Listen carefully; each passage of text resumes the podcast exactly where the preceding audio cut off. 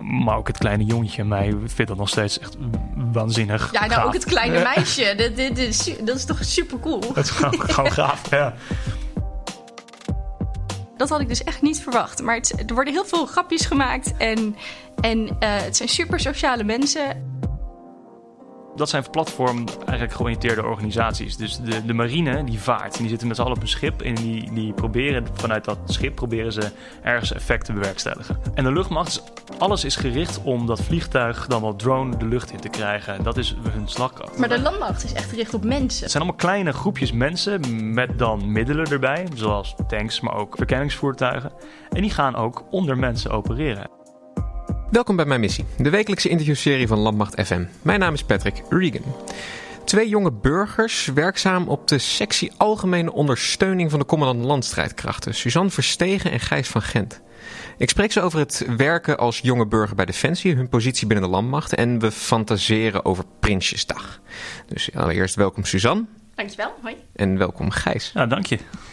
Laten we gewoon eens beginnen bij jullie, eh, ja, jullie binnenkomen. Hoe, hoe ben je bij de landmacht terechtgekomen? Ik begin bij Suzanne. Ja, dat is wel een, eh, een misschien een bijzonder verhaal. Ik eh, deed een master aan de Universiteit Utrecht. En er was een samenwerkingsverband tussen de, volgens mij de landmacht gewoon, en de Universiteit Utrecht. Ehm, en in een van die colleges zaten ook landmachters. En dat was superleuk, want je hebt verschillende invalshoeken. Eh, maar het is ook handig omdat je met elkaar in contact komt. En op die manier ehm, ben ik aan de stage gekomen bij de landmacht. En dat beviel heel goed. Dus toen kreeg ik een jaarcontract aangeboden. En jij?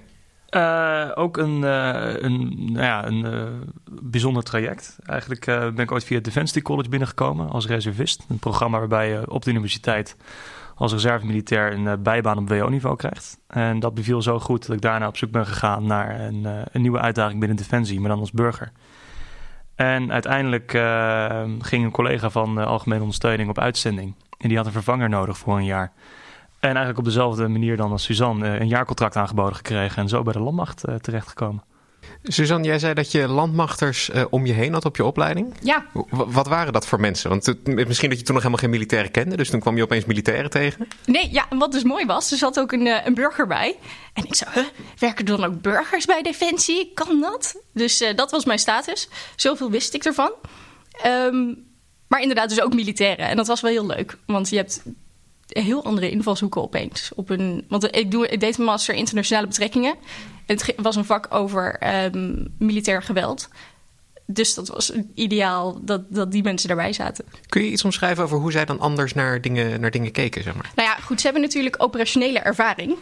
En uh, bij guppies op de universiteit natuurlijk niet. Dus um, wij zaten dan echt vanuit het internationale statenstelsel te kijken naar een conflict. Terwijl militairen veel meer die hands-on ervaring hadden. En dat, ja, dat waren gewoon interessante perspectieven. Gijs, toen jij bij dan hier binnenkwam, zeg maar, uh, herken je een beetje dat, dat praktische van, van militairen? Ja, enorm. En ook als, als reservist uh, was ik dat al eerder tegengekomen. Uh, dat je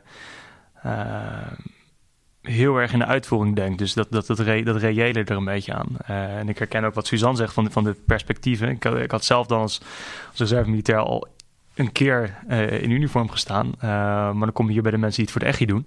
En het dagelijks beroep van maken. En dan is dat wel heel grappig om te zien hoe, hoe zij ook soms in het leven staan. En gewoon mijn collega die nog steeds een voorbeeld geeft. Als je gaat kamperen, dan staat zijn tentje als eerste. Zijn tas is mooi uitgepakt en hij zit al aan het bier. Terwijl de rest nog bezig is dat op te zetten. En dat is natuurlijk altijd uh, enorm grappig om, uh, om zo te horen. Waarom ben je reservist geworden? Um, eigenlijk ook vanuit, ik zocht een bijbaan op WO-niveau. Ik, wilde, ik, had, ik heb vroeger ook wel eens bier getapt. Dat was hartstikke leuk. Maar ik zocht iets waar ik ook wat meer kon leren. En dus dit kwam op mijn pad. En het is een uh, vrij jong project. Ze waren bezig met een pilot in Leiden en Delft. Ik studeerde, ik studeerde geschiedenis in Leiden. En uh, zij, uh, zij belde mij toen van, joh, hey, uh, we willen dit opzetten. lijkt, lijkt je dit wat? En ik heb toen ja gezegd. Eigenlijk veel later pas beseffende dat het hele reservegedeelte erbij kwam. maar waar ik wel heel dankbaar voor ben.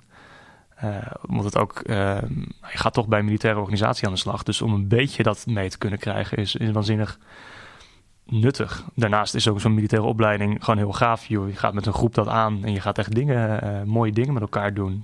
Ook een beetje je grenzen verleggen. Dus dat is waanzinnig. Ja. Je noemt het een bijzondere organisatie. Uh, Suzanne, wat voor bijzondere uh, materie en inhoud biedt de landmacht jou?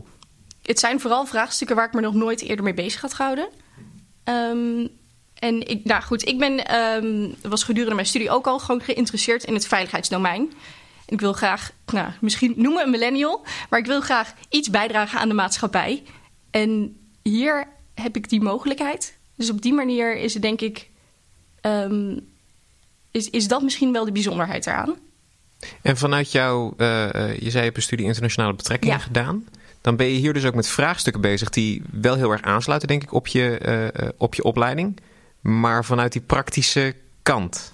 Ja, precies. Het is, niet, um, het is geen naadloze aansluiting.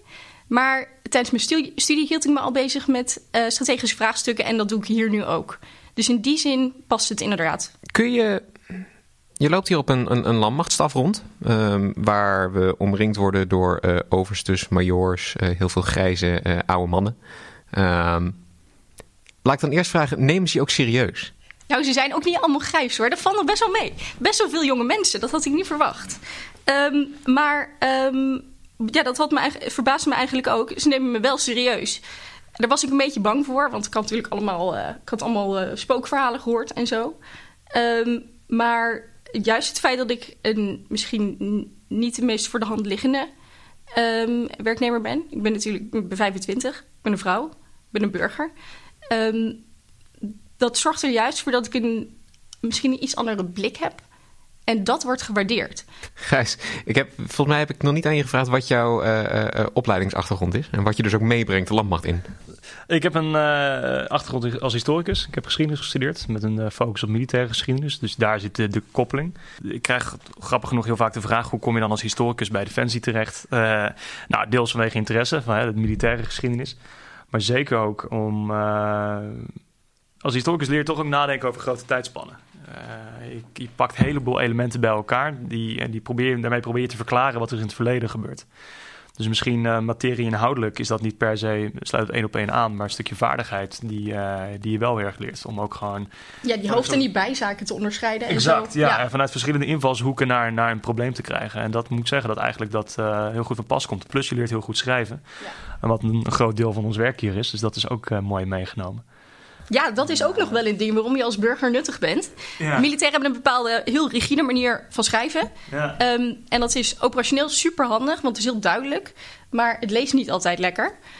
Um, en nu komen wij, want ik heb ook geschiedenis gestudeerd als bachelor, uh, komen wij als uh, historici en uh, fameuze taalnaties toch wel handig hoek kijken.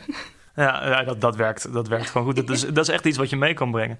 Het is ook een beetje hoe je, hoe je jezelf opstelt, maar ook hoe we zijn binnengehaald. Wij zijn ook echt expliciet binnengehaald als jonge mensen die een frisse blik kunnen geven. En dat wordt enorm gewaardeerd. Dus de mensen weten dat ook, zeker als je dan zegt wie je bent. En dan is er gewoon ruimte voor. Dan kun je ook je mening geven, dan kun je... He, met in achtneming van dat jij bepaalde ervaring of kennis misschien niet hebt, maar wel zegt van joh, uh, we beschikken over een prima stel hersenen. Uh, zullen we eens meekijken met het probleem? En dat wordt eigenlijk uh, tot nu toe altijd heel erg gewaardeerd. Nog nooit echt iemand gehad die gezegd heeft: nee, daar, daar uh, dat stel ik niet op prijs, want ik heb geen behoefte aan. Nee, ik denk ook juist dat de kracht erin ligt dat je die misschien die ervaring nog niet hebt. Dat je meer als een. en niet gehinderd door enige voorkennis. Ja, precies. Dat je als een buitenstaander ergens naar kijkt. Want dan pas kun je echt een spiegel voorhouden.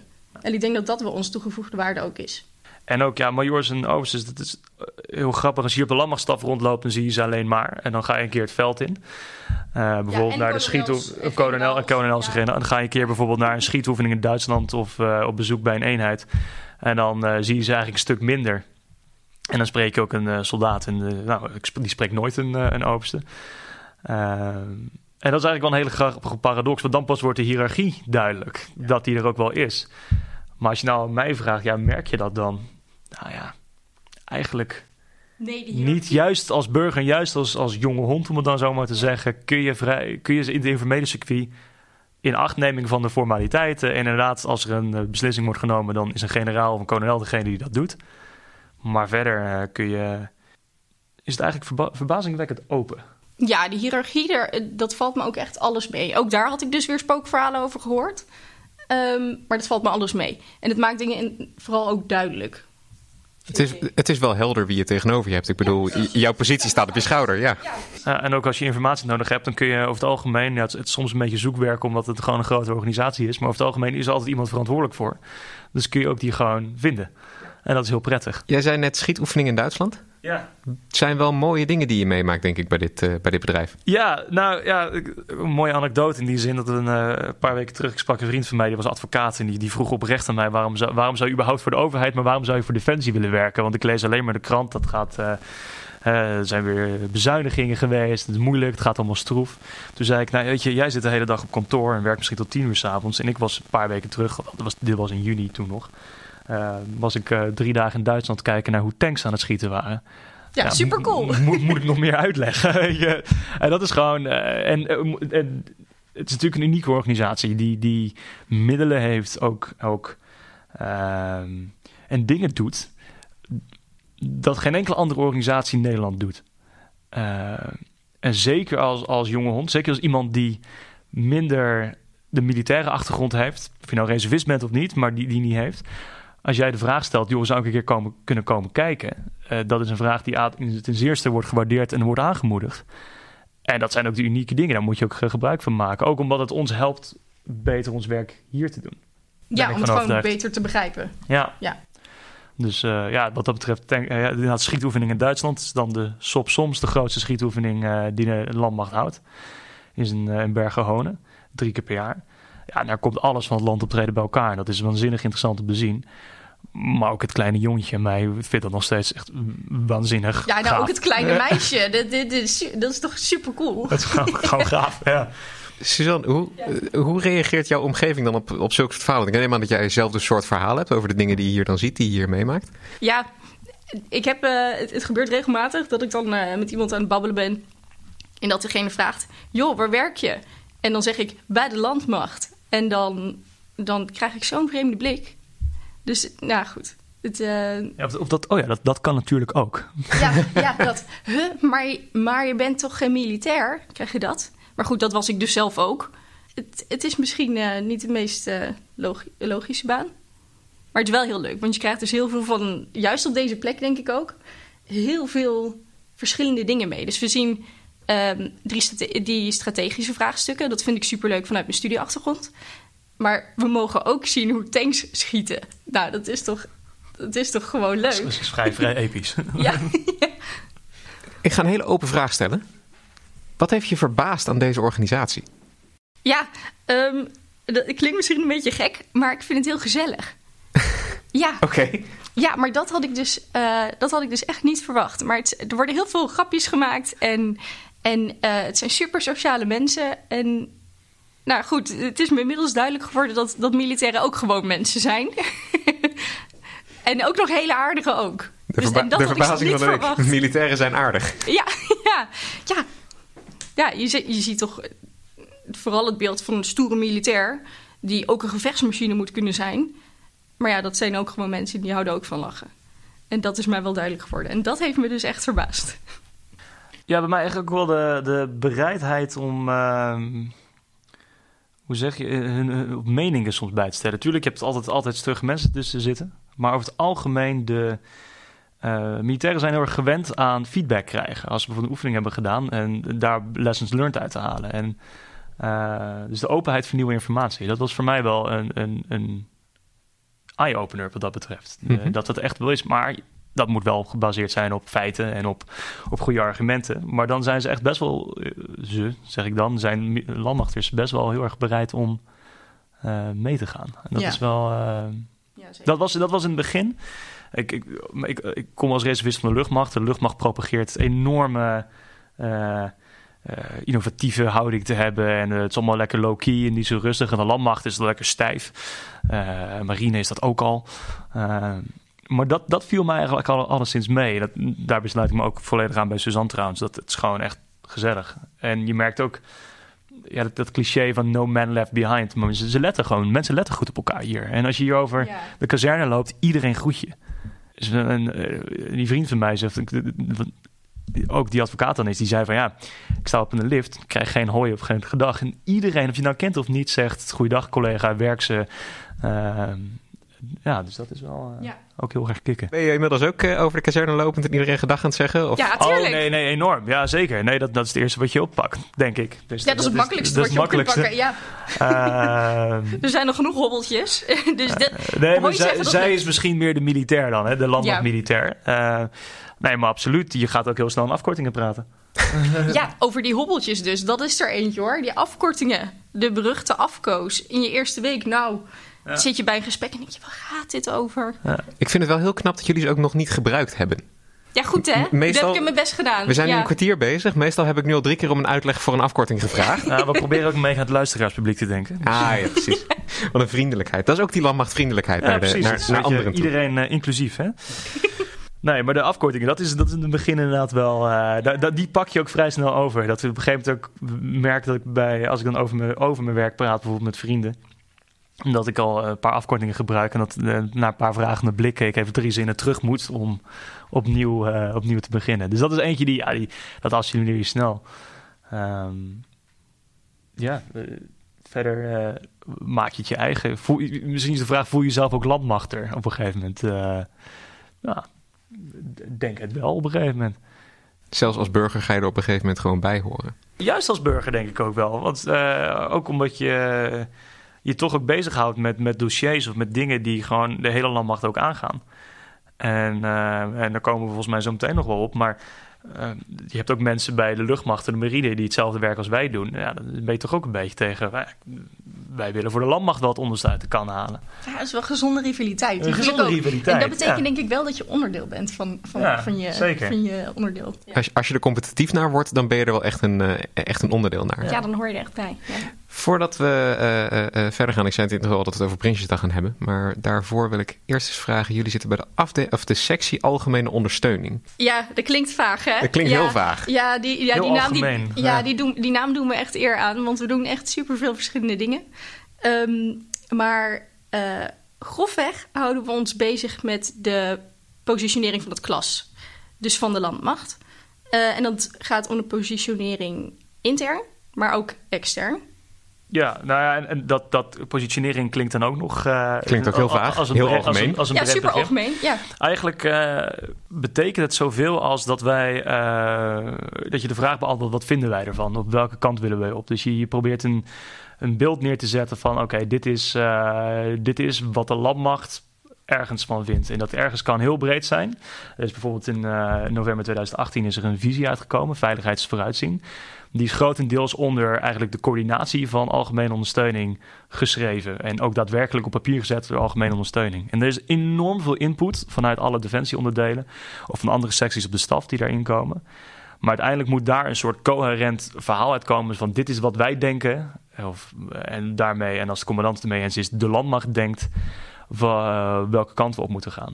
Nou, ja, en vervolgens houden we ons ook bezig met eh, draagvlak creëren voor die visie. Ja. Onder andere voor die visie.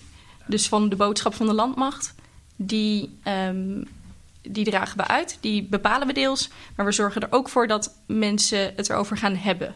Dus ehm, daarvoor eh, nemen we deel aan eh, symposia bijvoorbeeld. Eh, of nou, de baas eh, neemt deel aan symposia en wij, berei- wij bereiden dat dan voor. Om te zorgen echt om die discussie aan te zwengelen.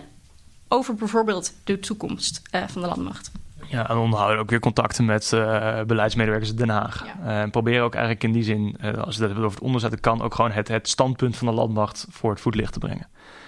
En, eh, en die positionering is dan breed en dat is dan eigenlijk een beetje dat die, hè, die, die, die- positiebepaling ook van wa- wat vinden we er dan van. Ja, en welke plaats neemt de landmacht in, in de maatschappij? Exact. Eh, en dan vervolgens zijn er eigenlijk afgeleide taken daarvan. Dus eh, precies het draagvlak creëren. Dat kan zoiets zijn als gewoon een keer koffie gaan drinken met de mensen die de defensienota schrijven.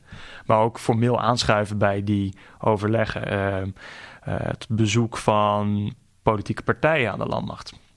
Bijvoorbeeld het CDA jongeren die een keer een werkbezoek hebben gebracht. Dus ook een beetje de maatschappelijke factor van de landmacht goed voor het voetlicht te brengen. En dan hebben we nog wat we noemen de corvée-werkzaamheden. Eh, en dat kan alles zijn. Dat zijn voorbereidingen, werkbezoeken. Het zijn, kunnen speechwriting zijn. Eigenlijk dat wat de commandant nodig heeft om zijn verhaal goed, voor, eh, goed naar voren te kunnen brengen. Eh, en dat is dan de coördinatie van werkbezoeken, maar met name de inhoudelijke voorbereiding.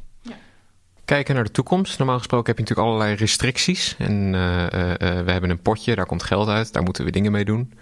Maar ehm, ja, we zijn eigenlijk drie jonge mensen. Ik bedoel, ik ben zelf net zo oud als jullie. Ehm, kunnen we eens fantaseren? Het is morgen Prinsjesdag. Stel nou dat daar opeens in staat... al het geld gaat naar de landmacht. Jullie krijgen alles wat je wil hebben.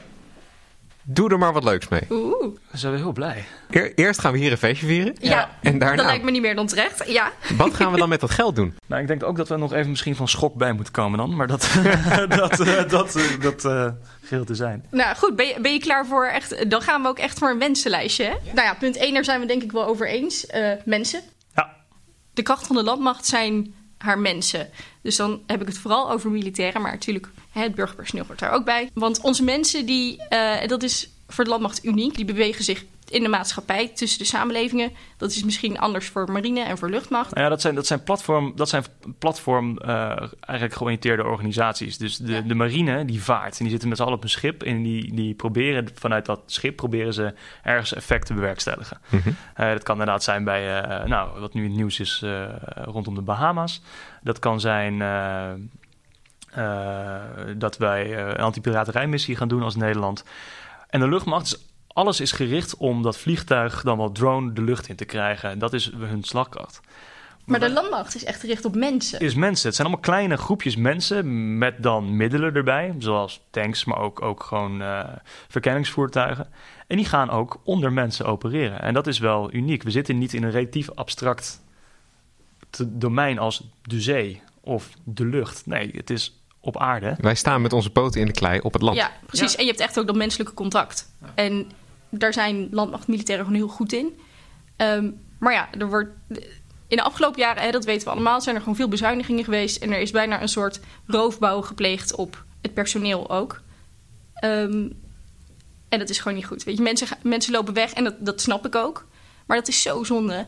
Dus ik denk daarom in de eerste plaats dat er gewoon echt geïnvesteerd moet worden in het personeel. Nou goed, eerste stappen zijn natuurlijk gezet. Dus dat arbeidsvoorwaardenakkoord is er doorheen. En dat is, dat is een heel mooi begin. Gewoon simpele dingen als ehm, wifi op legeringskamers. Tegenwoordig gewoon eh, bijna een basisbehoefte. Dat, dat moet in orde zijn. Ehm, betere opleidingen. Ehm, sowieso mensen die kunnen opleiden. Dat, dat is ook een probleem, hè? Dat er te weinig onderofficieren zijn. Meer maatwerk voor contractvormen die meer passen bij bijvoorbeeld bij een jonge levensfase. Hè. Stel je begint in een gezin en je wil minder werken, dan moet voor mannen en voor vrouwen kunnen. Dat soort zaken moet denk ik nog echt wel. Daar is echt nog werk aan de winkel. En daar is een begin gemaakt. Maar Ja, dus ja, goed, daar dus- moet nog ja. echt wel in geïnvesteerd worden. Ja, dus daar inderdaad een, een goed budget voor. Ehm, ik denk dat we ook moeten gaan kijken naar een, een landmacht die toekomstbestendig is. En dan Ja. ga je het hebben echt over eh, echt specialismes. En ja, daar, daar concurreer je mee op de arbeidsmarkt. Dus eh, als je daar meer budget voor zou kunnen hebben, zou het super zijn. En dat het over cyber, Ja. data, eh, Data-analysten, artific- ja. artificial intelligence. Ehm, hè, we- 5G komt eraan. Dat, eh, dat gaat toch een bepaald effect hebben op, op of we nou willen of niet, op hoe, hoe, eh, hoe de wereld dingen gaat doen. De Internet of Things is natuurlijk zo'n eh, beroemde exponent ervan. Ehm, maar daar moet je ook de mensen voor hebben eh, en de middelen om daarop, eh, op daarop te kunnen inspelen. Want als dat jou, ehm, als dat het, hè, als wij zeggen we treden op met onze poot in de modder eigenlijk in het menselijke domein. En als die menselijk, de menselijke domein wezenlijk gaat veranderen, dan zul je als landmacht mee moeten. Dus daar, daar geldt naartoe.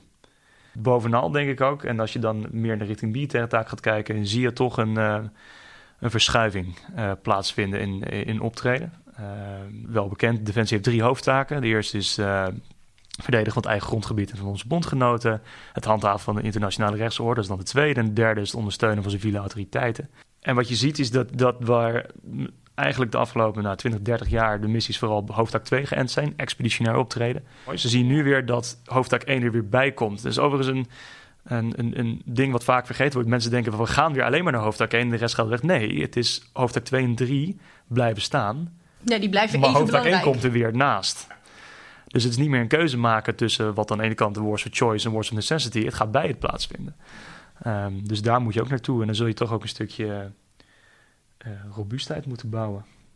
Credible deterrence. Je moet gewoon ook, ook kunnen opereren in dat grote gevecht. Maar je Ja. moet ook kunnen opereren in het expeditionaire optreden. En die robuustheid, hoe ziet, hoe ziet die eruit? Ehm, ik denk als we het dan over investeringen hebben, dat uh, in dat kader de um, versterking uh, vuurkracht op land uh, een belangrijke is. Dus dan hebben we het over tanks, maar ook over raketartillerie, zodat je echt, zodat je er staat. Tanden op de brigade. Je ja, je hebt ook gewoon die bakken staal nodig om te zorgen dat je veilig bent.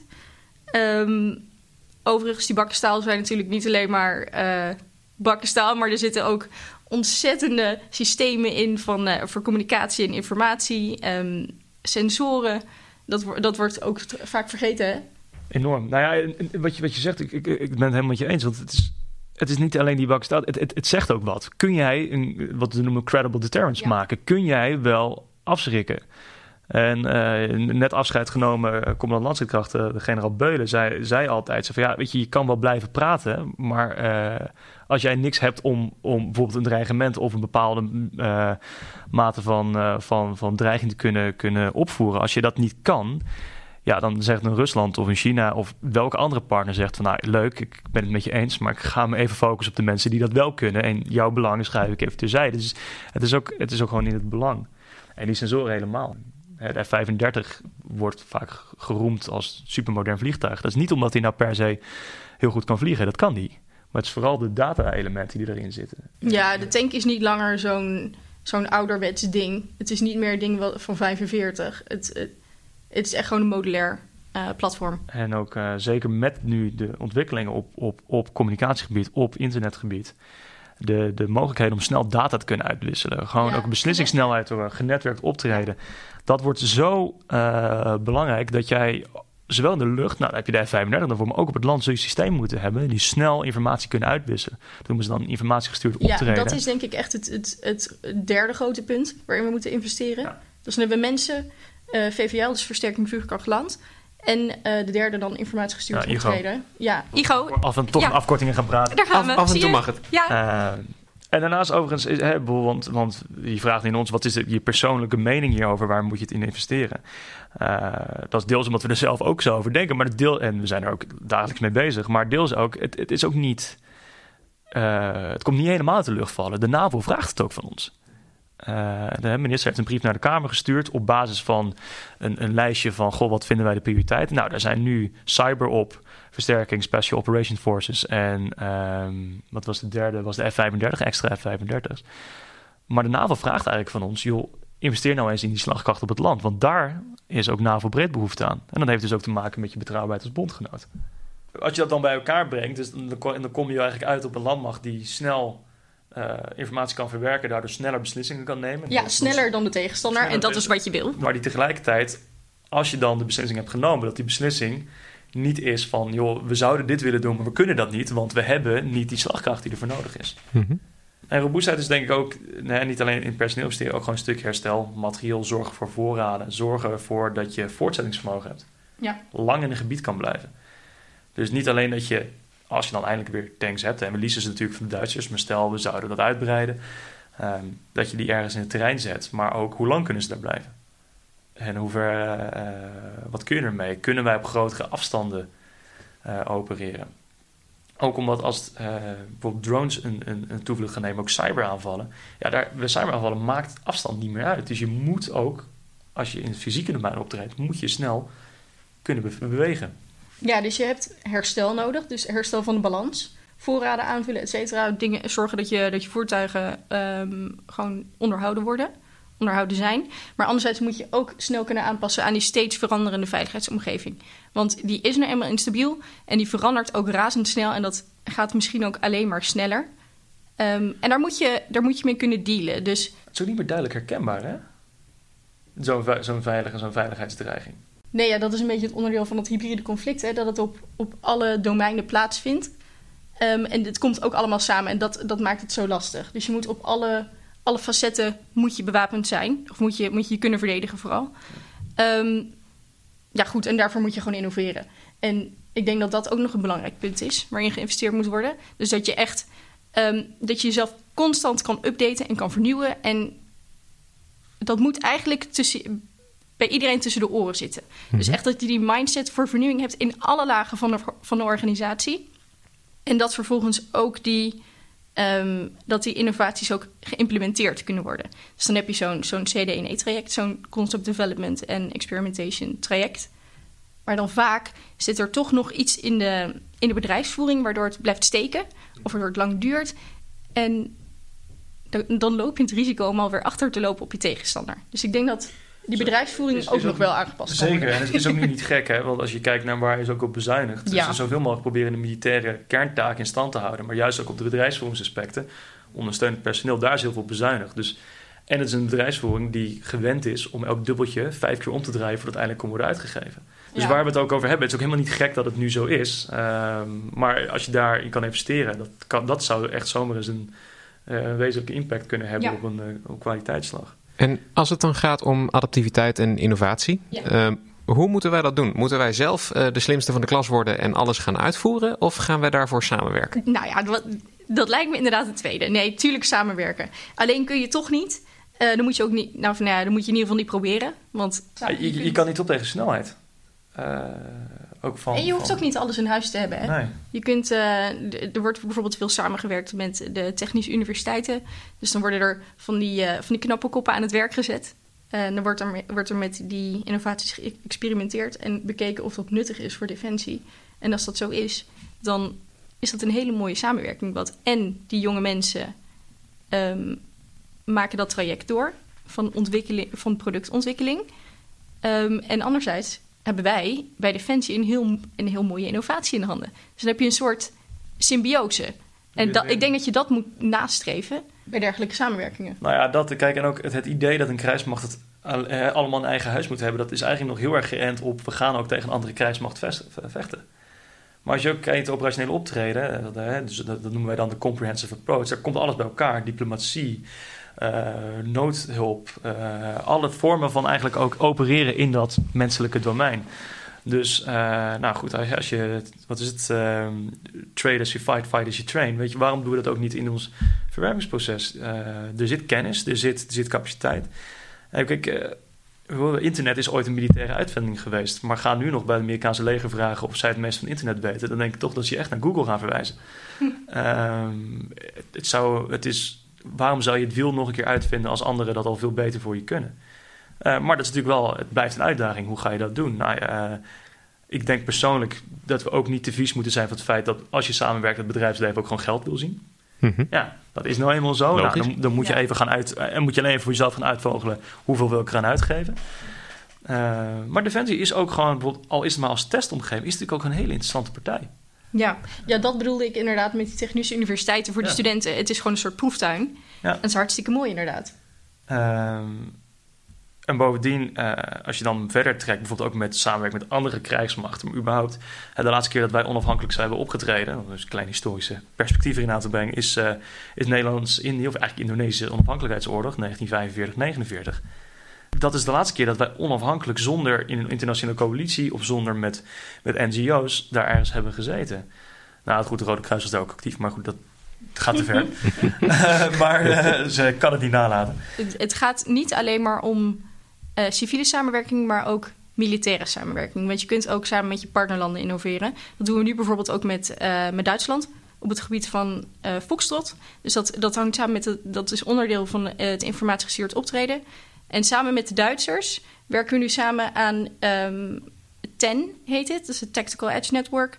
Waarbij de eh, communicatie- en informatiesystemen op elkaar worden afgestemd. Zodat ze interoperabel zijn. Dus zodat dat militaire optreden samen ook veel makkelijker gaat. En dat is ook een mooie manier, denk ik, van innoveren. Dat je daar samen met je partnerlanden aan werkt. Zodat je uiteindelijk beter eh, kan optreden samen. Is het wensenlijstje compleet zo? Nou ja, is die compleet? Nee, Nou ja, natuurlijk het is niet. nooit compleet, Ik kan maar- altijd door. Nee, ik kan nee. altijd door natuurlijk. En, eh, maar als je, als je, als je als een stukje eh, hè, eh, personeelsinvesteringen plus, plus het, het, het opnieuw robuust maken van de organisatie en tegelijkertijd kan inzetten ook op een stukje, stukje Adaptiviteit. ja, adaptiviteit, maar ook gewoon nieuwe capabilities eh, ontwikkelen. Ik denk als je daar eh fix, budget, fix budget voor kan vrijmaken, dat je dan al heel veel stappen zet. Alleen, ja, we moeten ook niet vergeten dat. dat ehm, Ik heb er nog wel één hoor. heb je nog maar Ik heb er nog wel één. Ja. nog één? ja, tuurlijk. Ja, het, het TOC, het Territoriaal Operatiecentrum. Oh, ja. Daarin wordt samengewerkt met eh, civiele partners in het veiligheidsdomein. Dus mocht er een keer een, mocht er een nationale crisis voorkomen, dan is dat een plek waar eh, bijvoorbeeld politie, maar ook de waterschappen, veiligheidsregio's en defensie samen kunnen werken om dan heel snel ehm, een, een operatie uit te zetten. En dat is denk ik ook een hele mooie, ehm, een, een, een heel mooi middel om dus weer die samenwerking ook uit te bouwen. Want dat wordt vaak trouwens ook vergeten, hè? Dat, dat, eh, ehm, die derde hoofdzaak. Ja. En als je dan hebt ook over die samenspeling waar we eerder al aan refereerden. Als je bijvoorbeeld kijkt naar onze taak binnen de NAVO nu, is ook wat, wat dan heet Host Ja. Nation Support. Dus gewoon door, Nederland doorvoerland. Dus Amerikaanse Britse troepen komen in Rotterdam. Ja, volgend jaar. Eh, volgend jaar, Defender, 2020. ja. eh, de oefening Defender gaat dat ook weer uitgebreid geoefend worden. Eh, dat is eh, eerste hoofdtaak, want het is een naam van macht die wordt ingezet om grenzen te verdedigen. Maar Ja, feitelijk komt het dan neer ook op, op gewoon samenwerken met civiele partners, autoriteiten. Zorg ook dat, dat gemeentes die doorvoer krijgen ook ontlast worden. Eh, dat is ook echt per definitie iets wat, eh, wat je nu ziet gebeuren. Eh, tuurlijk, eh, wat ik net eh, ook even wilde refereren, is het is heel verleidelijk ook om te denken dat de investeringen zijn er, dus dan zijn we er al. Maar het is A, heel makkelijk om te snijden, om op te bouwen. Dat kost gewoon tijd. Je moet mensen werven, trainen, materieel moet worden aangekocht. ja. En als je eenmaal de orde hebt getekend, duurt het waarschijnlijk nog twee, drie jaar voordat het allemaal geleverd hebt. Een tank is, is helaas niet in één dag gebouwd. Dat eh, misschien in, het- in een compleet op de oorlogsgerichte economie dat je zoiets zou kunnen doen. Maar in de, in de huidige tijd, en gelukkig maar, is dat gewoon niet aan de orde. Eh, en eh, er is altijd een, analogie die vaak wordt gebruikt. En dat, dat, dat, is ook gewoon belangrijk.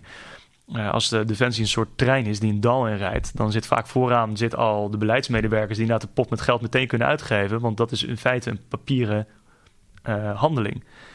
Krijgen zoveel geld binnen, we geven daarin uit. Dus die rijden het dal weer uit en zien weer licht. Maar er zijn gewoon nog eenheden die moeten nog door dat diepste punt heen.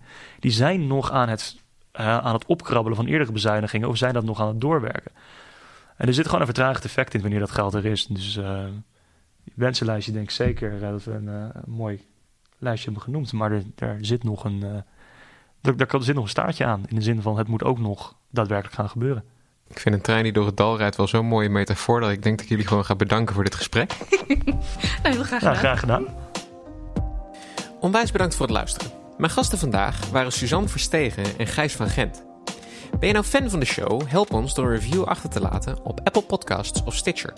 Of raad de show aan bij vrienden, familie, collega's. En ben je nou benieuwd naar een onderwerp dat wij echt moeten behandelen? Tweet dan met de hashtag Mijn Missie of stuur ons een bericht op Facebook of Instagram. Mijn Missie is een productie van de Koninklijke Landmacht. Nieuwe afleveringen komen iedere maandagochtend online en je vindt ze in de meeste podcastspelers. Gewoon zoeken op Mijn Missie. Abonneer je en mis geen enkele aflevering. Je volgt de Koninklijke Landmacht via Twitter, Instagram, Facebook en YouTube en check defensie.nl voor het laatste nieuws rondom de krijgsmacht. Nogmaals, onwijs bedankt voor het luisteren en tot volgende week.